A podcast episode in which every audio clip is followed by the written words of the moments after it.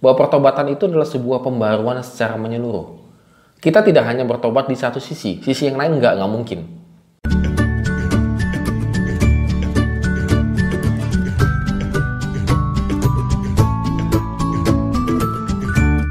Morning Good Readers, hari ini kita kembali mengucapkan syukur karena Tuhan telah menyertai kehidupan kita.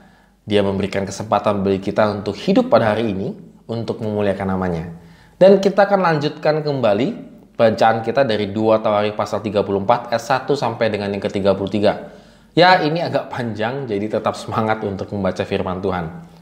Yosia, Yosia dikenal sebagai raja yang melakukan reformasi yang sangat luar biasa bagi bangsa Yehuda. Dan kita bisa melihat pertama tindakannya adalah tegas terhadap dosa-dosa terdahulu. Yosia mulai mencari Tuhan pada saat usianya yang sangat muda. Dan permulaannya yang baik ini dia menuntun untuk ber, uh, menuntunnya untuk bertindak dengan tegas, menghancurkan semua bentuk ibadah berhala di Yerusalem maupun juga di Yehuda. Dan tidak ada lagi kompromi bagi dosa yang selalu menjadi titik lemah untuk orang-orang Israel. Dan penulis Tawarikh menyatakan bahwa Yosia ingin menahirkan negeri dan rumah Tuhan. Ayat yang ke-8. Ini luar biasa ya jadi tidak hanya rumah Tuhan yang ditahirkan, tetapi negerinya juga ditahirkan. Karena dia meyakini kalau rumah Tuhannya tahir, tapi kalau bangsanya kelakuannya sama aja, ya pasti akan susah memang. Dan tindakan ini mencerminkan bahwa Yosia ingin benar-benar tidak mau jatuh lagi ke dalam dosa yang sama, seperti orang-orang terdahulunya. Dan hal yang disadari juga oleh Yosia uh, adalah membawa bangsa itu beribadah kepada Allah dengan cara yang tepat di ayat yang ke-8 sampai yang ke-13 kita bisa lihat sini. Dan usaha tersebut dilakukan untuk juga menghancurkan bangunan-bangunan bait Allah, eh maksudnya penyembahan-penyembahan berhala dan juga yang lainnya begitu ya.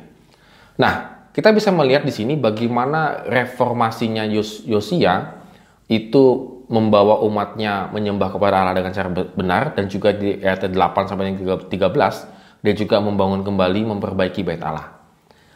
Ini bagi saya ini luar biasa. Jadi reformasinya tidak hanya di bait Allah, tetapi juga negerinya juga diperbaiki oleh Yosia supaya mereka tidak lagi jatuh ke dalam uh, dosa.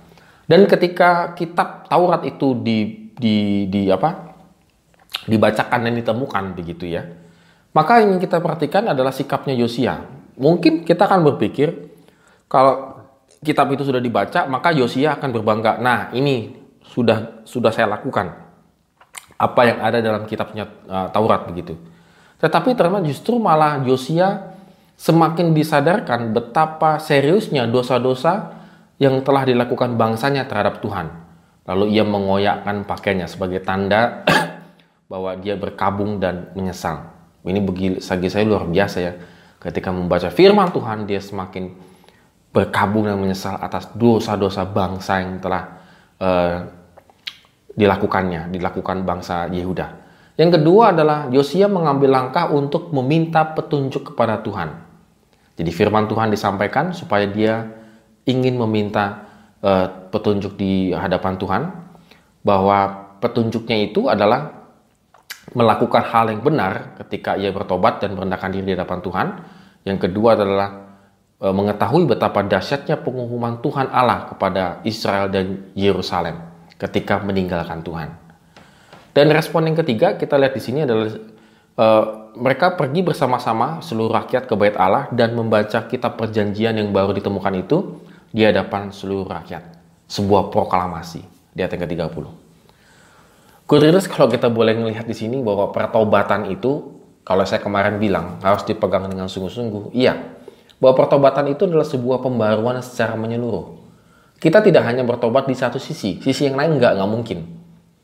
Jadi kita e, walaupun itu bertahap, tetapi jangan hanya di sisi ini aja. Kita bertobat misalnya, saya sungguh-sungguh bertobat untuk tidak mencuri, misalnya begitu. Saya tidak mencuri, oke tidak mencuri, tapi berbohong masih jalan terus. Nah ini repot ini. Ini namanya pertobatannya nggak jelas begitu. Jadi saya tidak bertobat tidak mencuri lagi, maka yang berbohong ini juga merembet, juga dihilangkan. Inilah yang dilakukan oleh Yosia. Dan orang yang ciri-cirinya kalau kita sungguh-sungguh bertobat, ketika kita mendengarkan firman Tuhan, membaca firman Tuhan, kita semakin disadarkan betapa hebatnya dosa-dosa kita melukai hati Tuhan. Dan betapa tidak berharganya kita di hadapan Tuhan.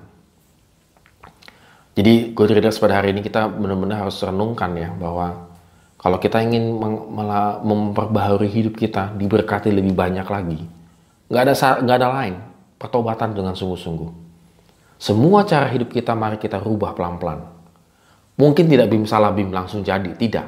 Tetapi setidaknya itu niat harus ada terus. Nah, supaya niat ini terjaga dengan baik, bacalah firman Tuhan.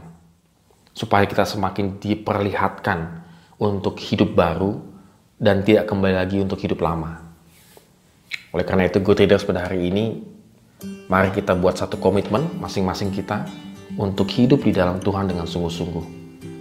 Pertobatan itu menyeluruh. Pertobatan itu bukan setengah, secuplik, seperempat, 0,5 gram, tidak. Seluruhnya, seluruh kehidupan kita. Dan kita pasti akan diberkati Tuhan. Amin.